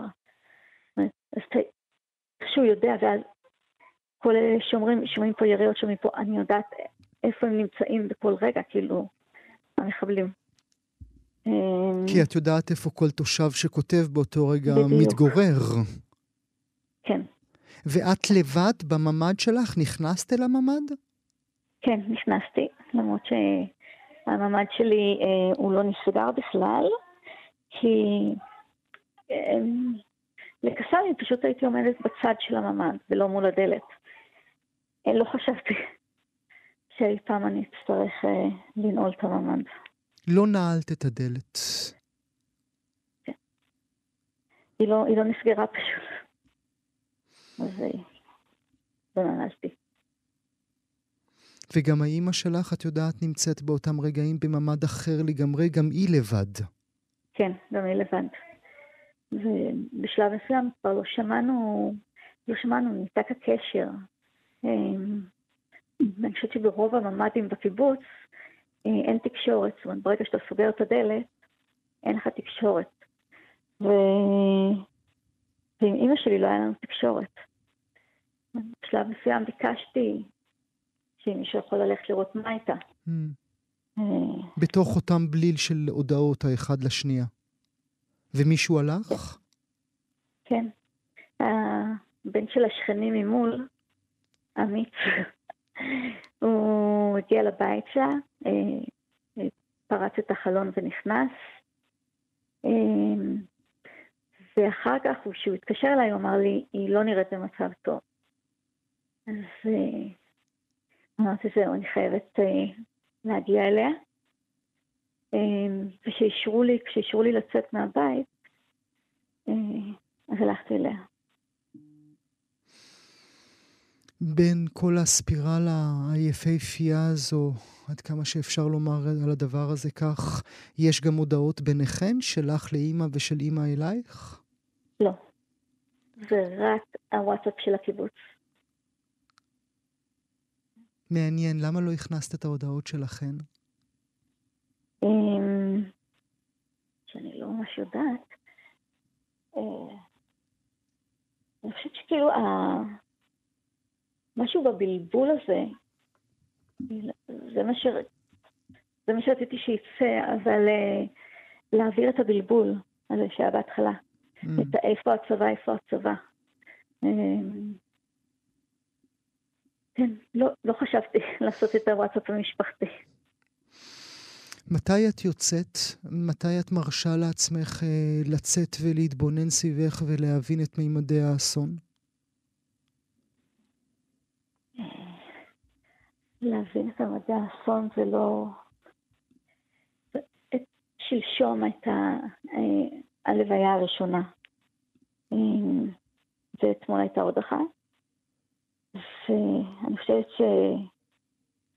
כאילו אז התחלתי פתאום אתה מרגיש ריק בפנים. כאילו פתאום אתה קברת בן אדם, קברת מישהו שאתה מכיר, מישהו שאתה אוהב. ואני חושבת, אתמול, אתמול חזרתי ממש אה, לא במצב טוב. אבל אה, אני מניחה שכולם ככה. מטפלים בך, עדי? כן, מטפלים בנו, דואגים לנו, הם מדהימים. מדהימים. כאילו, באמת, כל כך הרבה התגייסו והגיעו לכאן מכל מיני מקומות אה, רק בשביל לעזור לנו. לכאן זה באילת, נכון? לשם, לשם כן. אה, פינו אתכם. לשם פינו כן. אתכם. כמה אתם שם?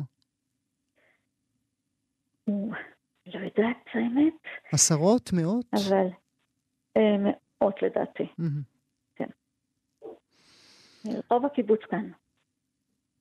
את אומרת אה, אנשים מדהימים, אבל מישהי מדהימה זו את, דבר ראשון. זו את המדהימה שחוותה את האסון הכל כך גדול הזה, ואני רוצה להוסיף עוד קומה, מאזינות ומאזינים. את מדהימה כי לא עזבת את הקיבוץ עד שהאכלת את כל החתולים שנשארו שם. אה, יש כאלה שאמרו לי שאני טיפשה שעשיתי את זה, כי זה חסר אחריות. אה, אני לא יודעת למה, באמת היה לי קשה לעזוב את הבית, וברגע שהחלטתי שאני נשארת, אז כתבתי להם הודעה ש... שמישהו רוצה שאני אכיל את החתול שלו, שיכתוב לי. והרשימה נעשתה גדולה מאוד. אמ, אז עד יום שלישי האכלתי אותם, ויום רביעי כבר גירשו אה, אותנו סופית מה... מהקיבוץ, לא רצו שם אזרחים יותר. רק החתולים שלי נעלמו, לא יודעת איפה הם. דווקא הם. כן. הם עוד יחזרו, עדי. הם עוד יחזרו. את מחכה לחזור לקיבוץ? כן. כן. למרות? כן. כן. למרות. אני... האמת היא שאני אני לא ראיתי... איפה שחילקתי את האוכל של החתולים, זה כנראה החלק היחידי של הקיבוץ שלא נפגע. אה, אז אני, כאילו עדיין לא ראיתי את הבתים ההרוסים, רק בתמונות ראיתי. אמ, הצעקות לעזרה נראה לי תמיד יישארו, אה, תמיד יישארו במוח. כאילו, כשקראתי את זה, אני, כשאני גם אה, קוראת את זה, ואני שומעת את הקולות של הבן, כל בן אדם, את הקול שלו, שהוא אומר את זה. אמ, זה נורא קשה.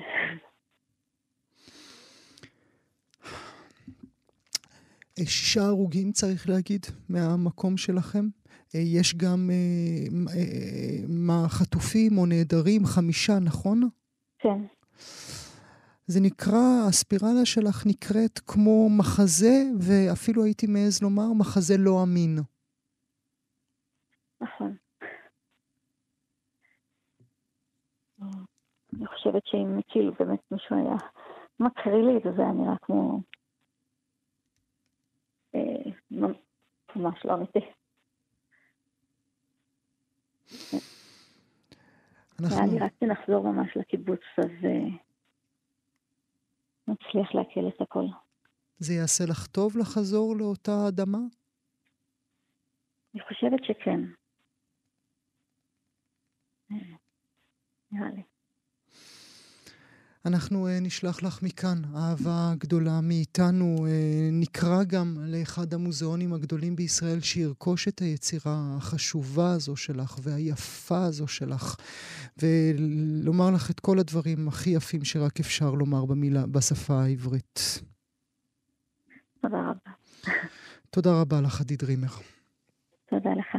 אנחנו כאן, מאזינות ומאזינים, כאן תרבות, ביום ה-12 למלחמת שבעה באוקטובר. 19 נרצחים, בהם אה, שישה ילדים ושבעה אזרחים נעדרים ועוד עשרות עשרות פצועים. אלה המספרים הנוגעים לחברה הבדואית בישראל. נדבר כעת על ארגון תמר, שמפעיל קו סיוע לתמיכה נפשית בשפה הערבית, קו שמאויש על ידי פסיכולוגים ועובדים סוציאליים מהחברה עצמה. מנכ"ל ארגון תמר הוא הפסיכולוג אברהים אבו ג'אפר, שנמצא איתי עכשיו. שלום לך.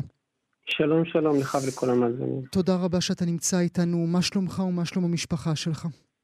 אה, מקווים להיות בסדר, משתדלים, לא פשוט, כמו כולם. אבל אה, אני חושב שהעשייה עוזרת לנו ברמה האישית, ברגע שאנחנו נותנים, אז זה עוזר לנו ברמה האישית וזה מאפשר לנו להתמודדות יותר. טובה. הנתינה מאפשרת לנו מצב טוב יותר. הנתינה, ממש ככה. הנתינה זה ברגע שאתה עושה, אז אתה מרגיש יותר טוב. האם אתה מרגיש מאז תחילת המלחמה עלייה במספר הפונים לארגון תמר? אנחנו ארגון שבבסיסו אה, מכין אה, צוותים ומכין אה, אנשי מקצוע למצבי חירום ועוזר בהיערכות למצבי חירום בחברה הבדואית וגם בחברה הערבית, בנוסף למתן טיפולים נפשיים ורגשיים. אנחנו גם חברים בקואליציה לטראומה שהיא מפעילת מרכז החוסן פה בדרום ושותפים בעשייה. אה, הפעילות אה, שלנו אה, התחילה ממש באופן מיידי מהשעות הראשונות של המלחמה. והפעילות של הקו החם. ישר הבנתם ש... שמשהו קורה? ישר הבנו שמשהו קורה, ישר התעשתנו והפעלנו את הקו החם, והפניות התחילו להגיע מכל הארץ, לא רק מהחברה הבדואית. פניות אה, ממש אה, בכמויות שאילץ אותנו להפעיל את הקו 24 שעות ביממה והוא עדיין ממשיך לפעול 24 שעות ביממה עקב הצורך והביקוש לתמיכה נפשית והתשתית הקיימת בתוך הארגון אפשרה את אה, פעילות די מהירה לעשות את זה. אז אנחנו נותנים את המענה לכל הארץ, לכל התושבים, ובשעות הראשונות הפניות הגיעו גם מאנשים שהיו במסיבה. אנשים שהיו במיון אחרי mm-hmm. האירוע הזוועתי שהיה, mm-hmm. ופנו אלינו וקיבלו את התמיכה הראשונית.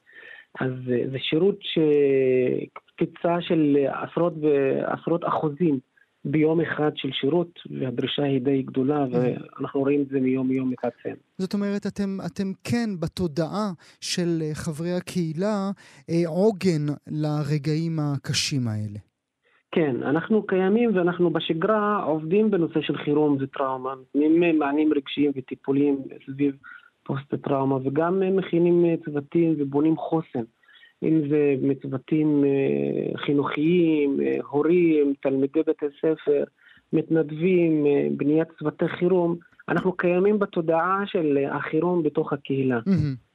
יש הבדל בתפיסה בין החברה הכללית לחברה הערבית בכל הנוגע לטיפולים נפשיים או לעזרה נפשית? תראה, אני אתייחס לחברה הערבית, אה, יש, אה, אי אפשר להסתכל על החברה הערבית כ, כיחידה אחת. בוודאי. אה, בצפון ובדרום יש דברים שונים, צרכים הם גם שונים. החברה הבדואית היא נמצאת בתהליך של מודרניזציה, שיש בתוכו, בתוך התהליך הזה קשיים ומשברים וטראומות די מורכבות. הצריכה של שירותים פסיכולוגיים כשהקמנו את הארגון בשנת 2008, כולם הרימו גבה ואמרו מי יבוא מי, מי ידפוק ב... אצלכם בדלת מי בכלל? מי יבוא לטיפול, mm-hmm. לטיפול פסיכולוגי בחברה הבדואית. וזה לא בגלל היותם בדואים או ערבים, אלא מעצם לא. היותם חברה שמרנית, כמו כל חברה שמרנית, אני, שפשוט אני חושב... פחות נכנסת אל הדלתות האלה. וגם, אבל בנוסף לזה, שהיעדר שירות, היעדר הגברת המודעות לשירות הזה בתוך החברה הבדואית, וזה מה שהוביל למצב הזה. ובשנים האחרונות, כשאנחנו נכנסים לתמונה עם ארגונים נוספים וגם יש הרבה יותר תודעה, אנחנו רואים משנת 2008 כשפתחנו אף אחד לא אמר מי יבוא לטיפול פסיכולוגי, היום אנחנו רואים רשימות המתנה, ואני מדבר היום לא רק בזמן המלחמה, לפני המלחמה יש רשימות המתנה, אנשים שממתינים לבוא ולקבל טיפול פסיכולוגי. משפחות בדואיות באות לקבל טיפול משפחתי, נשים, גברים, ילדים. רוצים את השירות הזה, כי רואים את החשיבות של השירות הזה, ורואים גם את הצורך בדבר הזה. Mm-hmm. היעדר, היעדר משאבים והיעדר שירותים בתוך החברה, אה, זה גם משהו שחשוב ונחשף בזמן הקורונה. בזמן mm-hmm. הקורונה אה, עשה אה, תפנית בצריכה של שירותים מסוג זה. לצערי, אה, הצורך הוא עדיין אדיר וגדול. אבל אה, החברה דורשת את זה, וצריכה את זה, ורואה את החשיבות של השירות הזה. אנחנו יודעים שבעיות הן בעיות הן בעיות, ובעיות תמיד דומות ולא משנה היכן אתה מתגורר ועם מי אתה אה, מתגורר. נכון. אבל יש בכל זאת משהו ייחודי בימים האחרונים שאתה רואה שהוא נכון לחברה הערבית אה, ופחות נכון לחברה הכללית? אתם מתמודדים עם דברים אחרים? תראה, ההתמודדות אה, לטראומה היא התמודדות אה, אוניברסלית. כולנו חווים אותם סימפטומים, כולנו מתמודדים עם אותו כאב ואותו קושי, הפחד הוא אותו פחד. כל אחד יכול לפרש את זה בקונטקסט שלו, כל אחד יכול להסתכל על זה מהמקום שהוא מתחבר אליו, מתחבר לטראומה ומתחבר לקושי הזה. אה, יש, יש גם פוליטיקה שהיא מעורבת, ואנחנו חיים בתוך מדינה רב-תרבותית. Mm-hmm. וההקשר הרב-תרבותי משפיע על תפיסות של אנשים, משפיע על עמדות של אנשים. וזה גם בא לידי ביטוי בסימפטומים שהם חווים, וזה גם בא לידי ביטוי בדרכי הטיפול שצריך להציע לאותם אנשים. נחלק את התשובה שלך לשניים ברשותך. החלק. השני יהיה דרכי הטיפול, אבל נלך לחלק א', מהי אותה רב-תרבותיות ובמה היא משתנה? פוליטיקה אני מבין, כי גם אם נאמר את זה בפה, אה, בלב ובפה אה, גלויים ופתוחים, אה, אני מניח שחלק מהבעיות של החברה הערבית ברגעים אלה, כאשר מישהו ניגש לטיפול או מבקש עזרה אה, נפשית, נוגעת גם בנקודה שלא משנה שהוא נפגע, עדיין תופסים אותו אה, כגיס חמישי, עדיין תופסים אותו כבוגד, עדיין תופסים אותו כאדם שמסוכן להיות לסביבתו. זה בוודאי מבלבל דבר שאנחנו כחברה כללית פחות מבינים. יש את הנושא של בלבול זהות, אין ספק, זה משהו שהוא עוד יותר מעצים את הקושי ומעצים את הטראומה שאנשים חווים. אנחנו, אה, כל החשיפה לכלי התקשורת השונים, המגוונים, שקיימים היום, והחשיפה גם לתקשורת החברתית, זה משהו ששם את האנשים ב- ב- ומעצים את הסוגיה של בלבול זהות, ומביא את זה גם לקונפליקט ולהתמודדות יותר מורכבת, וגם שם את הטראומה שהם חווים אותה לטראומה עוד יותר מורכבת מכלל האוכלוסייה. החברה הערבית בכלל היא כל הזמן נמצאת בטראומות, והחברה הבדואית היא נמצאת בשגרת חירום וטראומה מתמידה. אנחנו חווים את זה ביום-יום, והמלחמה ואירועים אוניברסליים רק מעצימים את הקונפליקט שאנחנו חיים בו ואת הקושי שאנחנו מתמודדים איתו. מה זה אותה שגרת חירום שאתה מדבר עליה? תראה, החברה הבדואית אה, נמצאת אה, באזור אה, הדרום. אזור הדרום הוא אזור שהוא חי מסבב לסבב, מעופרת יצוקה, עמודן צוק איתן, זה, זה המצב שכל הדרום חי בו. בנוסף לזה, החברה עצמה נמצאת במשבר, כמו כל החברה הערבית בארץ פה, בכל הנושא של אלימות שאנחנו חווים אותה, mm-hmm. בכל הנושא של הקונפליקט סביב אדמות והריסות בתים. היעדר תשתיות, אה, מצב סוציו-אקונומי נמוך. זה חברה שנמצאת בשגרת חירום, מתמודדת יום-יום עם שגרת חירום, ששמה אה, ומעצימה סימפטומים של טראומה, mm-hmm. שצריכים טיפול והתייחסות אה, מיידית ורחבה מאוד. ובתוך כל הבלגן הזה, למי יש זמן לטיפול נפשי? יש לאנשים את הזמן מטיפול נפשי מהמקום שזה הפך להיות צורך, צורך בסיסי. חלק גדול מהפעילות שלנו בשגרה זה הגברת המודעות. הרבה אנשים בהתחלה, כשאנחנו מדברים על בניית חוסן והגברת מודעות, לא מבינים שמה שהם סובלים ממנו זה פוסט-טראומה, לא מבינים שהקושי שלהם בלתפקד ולפרנס את המשפחה זה סימנים פוסט-טראומטיים שמובילים למחלות נפש כאלה ואחרות, ואם הם פונים ומקבלים את הטיפול הנפשי, הם יכולים להתמודד ולחיות חיים הרבה יותר טובים. אז חלק גדול מהשליחות שלנו כארגון ולהגביר את המודעות בתוך החברה לצריכת השירות הזה. Mm-hmm. ואני רוצה להשתמש גם את הבמה הזאת ולעודד את האנשים בשלב הזה, בימים הקשים הנוראים שאנחנו כולנו עוברים אותם, לפנות ולקבל את הטיפול ואת התמיכה הנפשית. לא להישאר לבד. אם אנחנו מקבלים את התמיכה הנפשית עכשיו, יהיה לנו יותר קל להתמודד עם המצב, אבל גם יהיה לנו אחר כך יותר קל לא להיכנס לקשיים נפשיים. שהטיפול בהם יהיה יותר מסובך עכשיו. Mm-hmm. אז בבקשה לפנות אלינו, לפנות לכל הגופים שנותנים את התמיכה הנפשית, אם זה אונליין, אם זה טלפוני, אם זה גם בפגישה פיזית, תעזרו באנשי מקצוע. ואם אנחנו מדברים על דרכי טיפול, במה אתה שיושב אה, ברהט שונה מהעמיתים שלך שיושבים בתל אביב, פריס או טוקיו? תראה, הטיפול הוא טיפול אה, שיש פה מבוסס על שיטות טיפול אוניברסליות, אבל בטיפול עצמו יש התייחסות לקונטקסט הרב-תרבותי והחברתי שממנו בא המטופל. וזה משהו שצריך לקחת אותו בחשבון ולשים אותו כנקודה מרכזית ועוגן מרכזי בטיפול. נגיד למשל בהקשר של חירום וטראומה, הקולקטיביזם זה משהו שהוא מאוד מרכזי כדרכי התמודדות. זה משהו שהוא ייחודי לחברה הערבית ולחברה הבדואית. תסביר לי את זה, תגיד עוד מילה. אני אגיד שהתמיכה הרחבה, התמיכה הקהילתית, התמיכה okay. אוקיי. המשפחתית, שהיום okay. אנחנו אוקיי. רואים אותו בזמן חירום, okay. אוקיי. זה קיים בזמן שגרה בתוך החברה הערבית והבדואית. זאת אומרת, מה, מה שאצלנו נתפס כיוצא מן הכלל, אצלכם הוא, הוא, הוא, הוא הכלל ממש. זה הכלל, וזה עוזר בטיפול, זה עוזר בהתערבות שאנחנו בונים אותה. זאת זה... אומרת, אתה, כשמטופלת או מטופל מגיעים אליך ברגעים כאלה, אתה מבקש את העזרה של הסובבים אותה אה, כדי לעטוף אותה ברגע הכואב. וזה כלי מאוד עוזר בתקופה של הימים האחרונים שאנחנו חווים אותם. אנחנו מבקשים מאנשים שבאים עם מצוקה די, די קשה, תעזרו באנשים שלידכם. תעזרו ותקבלו את התמיכה מאנשים שיש לידכם, mm-hmm. כי זה משהו שיכול לסייע. Mm-hmm. וגם מבקשים מאנשים, תעשו משהו, לא רק תעזרו, אלא גם תעשו משהו. הדוינג, העשייה, הנתינה, עוזרת לנו להתמודד עם המצב הזה. ונותנת לנו uh, תחושה של סיפוק, והנה, אני עשיתי את חלקי במה שמתרחש. Mm-hmm. וזה עוזר לי להתמודד.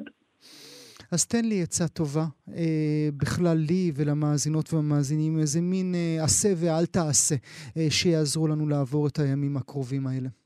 העצה הראשונה, אה, קודם כל אני רוצה לשקף לאנשים, לכל מי ששומע אותנו ולכל מי שחווה את האירועים בתקופה האחרונה, התגובות שאנחנו חווים אותן היום הן תגובות נורמליות למצב הלא נורמלי, הנוראי שכולנו חווים אותו.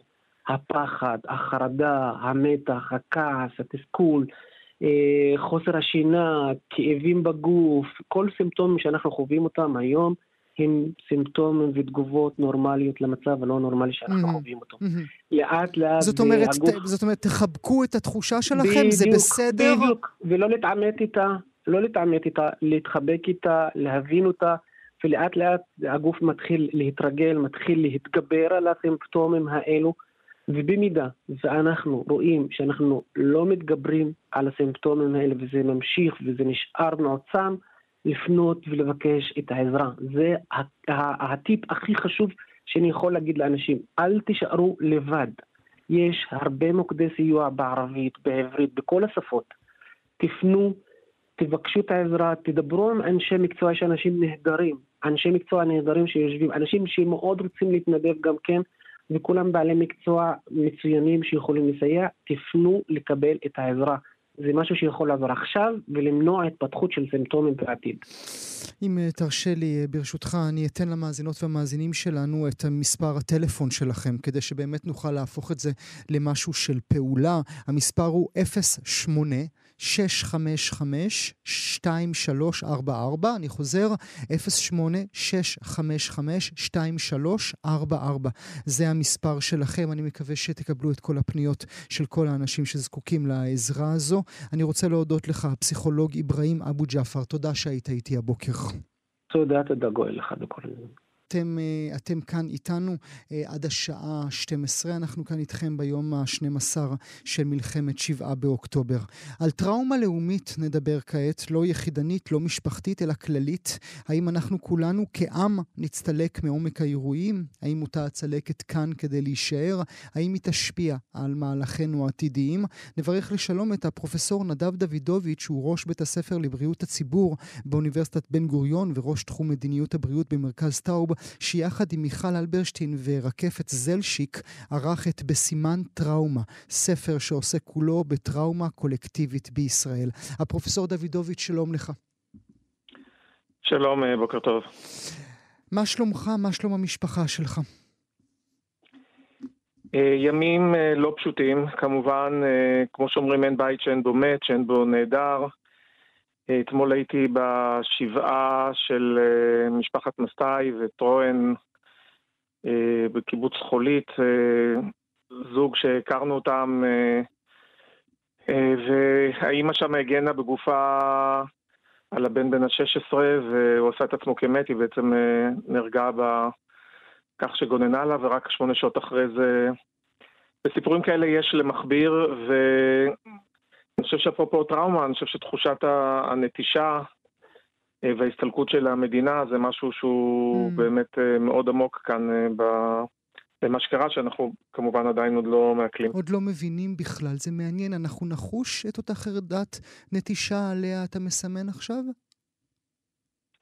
אז אני חושב שעוד אין לנו את הפרספקטיבה. אני כן אבל יכול לומר מתוך הספר שערכנו, אכן גם אה, פרופסור מיכל אלברשטיין, שהיא גם זוגתי והיא דיקנית אה, פקולטה למשפטים בבר אילן, ודוקטור רקפת זלשיק, שהיא היסטוריונית של פסיכיאטריה. אנחנו התחלנו בעצם את העבודה אחרי ספטמבר 11, mm-hmm. ואז עשינו כנס בבר אילן, שהשתתפו בו הרבה אנשים מחו"ל, וערכנו ספר שיצא בהוצאת סטנפורד, והוא היה כללי יותר.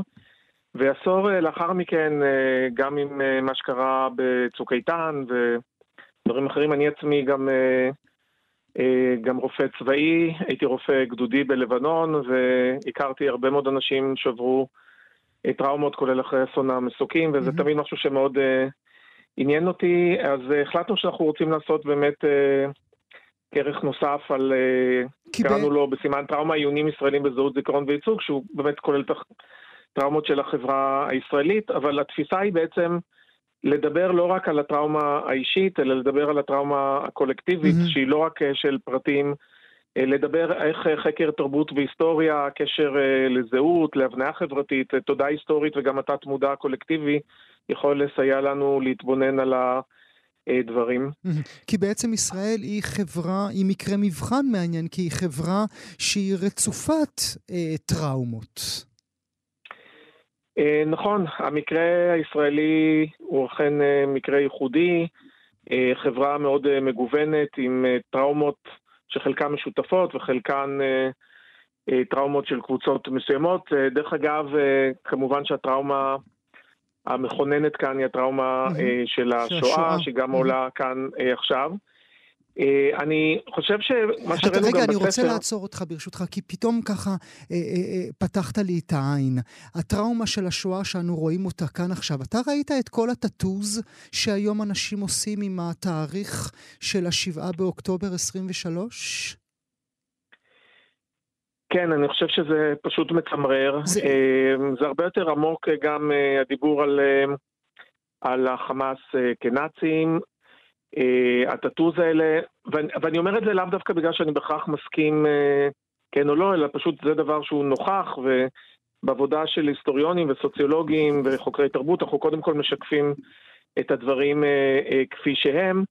צריך לזכור שהטראומה של השואה גם לפעמים היא הפריעה, כי כאילו בהיותה טראומה כל כך דרמטית ומכוננת, לא תמיד היא אפשרה אולי לטראומות אחרות לבוא אה, אני עצמי חקרתי את הנושא למשל של העלייה של שנות החמישים של אה, יהודים ממדינות ערב, אבל בכל זאת, בכל זאת אומר לי, כן. אמור לי משהו על אותו צעירה או צעיר שהולכים אל המקעקע שלהם ואומרים לו, שים לי את המספר הזה על הזרוע.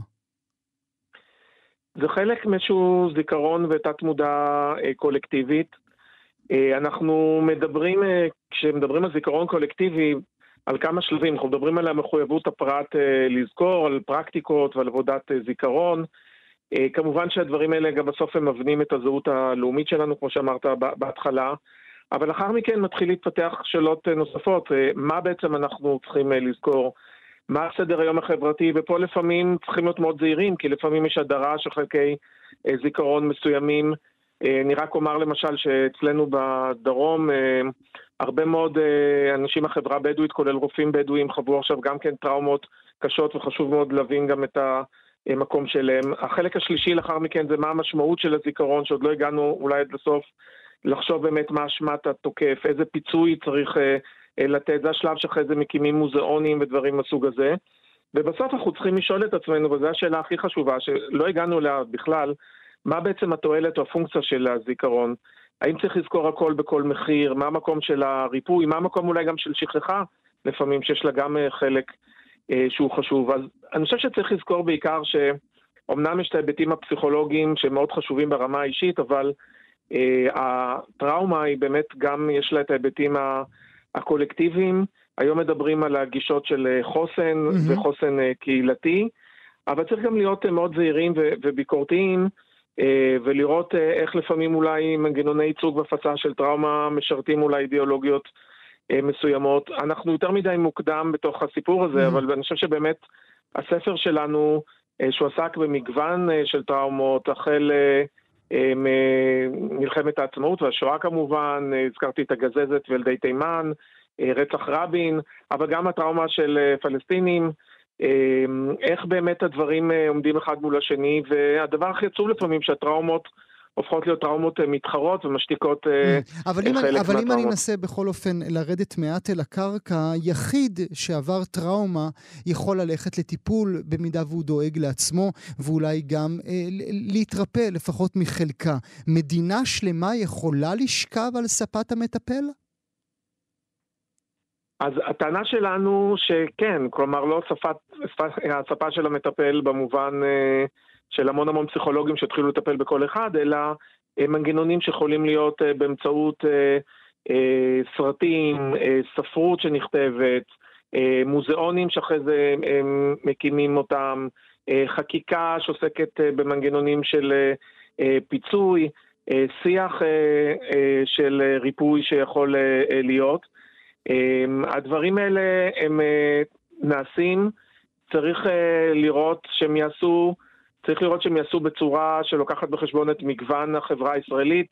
אה, אני אתן דוגמה נוספת, אני יודע שנהרגו עכשיו גם חרדים mm-hmm. שהתנדבו בצבא, ולפעמים אנחנו לוקחים את הטראומה כמשהו קולקטיבי, שזה גם יכול להיות משהו בלי כוונה דורסני, ולאפשר אולי רק נרטיב מאוד mm-hmm. מסוים, ובעצם צריך לאפשר גם את מגוון הנרטיבים. ולזכור שיש תתי תתי תתי קבוצות שנמצאים בתוך הישראליות הזאת. אבל אל מול הטראומה עליה דיברנו עד כה, אותם רגעים יפים יפים יפים של סולידריות, זה לא איזה ככה תרופה יפה? נהדר, רציתי בדיוק לעבור ולדבר, כשאנחנו רוצים לחשוב על, על ריפוי ועל חוסן, אז באמת אולי הצד השני של, ה, של המטבע זה באמת אותה סולידריות, אבל גם כאן צריך להסתכל בראייה לפעמים שהיא ביקורתית יותר. סולידריות זה דבר נפלא, אבל הוא גם לפעמים יכול להפוך לקלישאה. וגם כמו שחברי דוקטור חגי בואש כתב עכשיו במכון ון ליר, אחראי על התחום של מדע וחברה, הוא כתב פוסט בוון ליר שאני מפנה את כולם.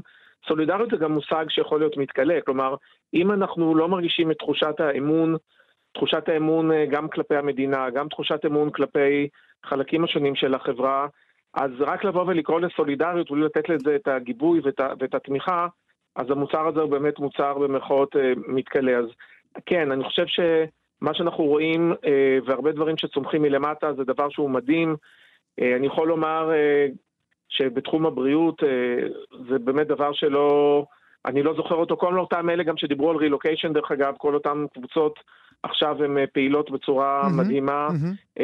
בכל המקומות, גם אם זה בחברה האזרחית ובצבא, אבל בלי הכניסה של המדינה שתעשה סדר בדברים ושנגרום לעצמנו שוב להרגיש תחושת האמון, האמון הזה שעבד באותה הפקרה, זו הייתה התחושה באותו יום שבת נוראי, אז אני חושב שזה יהיה קשה מאוד. אז כן, יש פה הרבה סולידריות, אבל זה לא משהו שאפשר רק לדבר עליו, צריך לטפח אותו וצריך להחזיר את האמון, זה דבר שהוא קריטי באותו טיפול בטראומה הקולקטיבית, כמו שאנחנו מדברים עליה.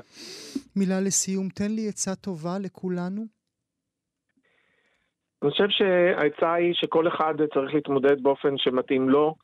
אני חושב שהעצה היא גם ברמה של המשפחה ושל הקהילה לחפש את הדברים האלה. אני יודע שנורא קשה עכשיו לא להיות צמודים 24 שעות לתקשורת, אבל אל תהיו. באמת mm-hmm. לעשות דברים שמועילים לכם ואין פה פתרון אחד, ואכן זה נותן תחושה של סולידריות שצריך לעבוד עליה, ולמדינה אני נותן עצה ש... באמת תהיה פה התעשתות, אני חושב שבחלקים מסוימים כבר רואים את זה, אבל הדרך עוד רחוקה כדי שנקבל בחזרה את האמון. המדינה. נאמר לך תודה רבה על השיחה הזו, הפרופסור נדב דוידוביץ', תודה שהיית איתי הבוקר. תודה רבה לימים הרבה יותר טובים. לרגל המצב הקמנו את החמ"ל של כאן, המקום שמרכז בעבורכם ובעבור יקיריכם את כל היוזמות האזרחיות לסיוע ללוחמים ולאזרחים. אירוח לתושבי הדרום והצפון, חלוקת מזון, חיפוש יקירים, או רק לפרוק את מה שעל לבכם. לפרסום ולאיתור יוזמות, הצטרפו עכשיו לקבוצת החמ"ל של כאן בפייסבוק, או מצאו אותנו באתר וביישומון כאן. אנחנו כאן. אנחנו כאן, מאזינות ומאזינים, תאגיד השידור הישראלי, כמו שאתם שומעות ושומעים, פתח את החמ"ל של כאן, פרויקט שמרכז את כל היוזמות האזרחיות לסיוע ללוחמים ולאזרחים. אנחנו אה, נאמר לכם כמה הודעות שהגיעו אל קבוצת הפייסבוק של החמ"ל אה, של כאן. אה, אנחנו רואים כאן שבית ההבראה סלואו-נס שבקיבוץ מורן הופך את המרחב שלו למקום מרפא לכל מי שהיה בשבעה באוקטובר במסיבות. מסיבות בעוטף עזה, אז מי שיצא שם, משם, או למשפחות של מי שטרם חזר, אה, הם מזמינים אתכם ללא עלות להתעטף, כמו שהם כותבים, בכל הטוב שהמקום הזה יודע לה, להציע. Slowness, זה השם שלהם. את טופס הרישום תוכלו למצוא בעמוד הפייסבוק של החמ"ל של uh, כאן. Uh, וזהו, מאזינות ומאזינים. עורך המשדר שלנו, יאיר ברף, עורכת המשנה. המשנה ענת שרון בלייס, אה, על ההפקה מיכל שטורחן, על הביצוע הטכני תמיר אה, צוברי. אני רוצה להודות לכל האורחות והאורחים שליוו אותנו את המשדר הזה, מאזינות ומאזינים, ובכלל, שהיו איתנו לאורך השבוע כולו.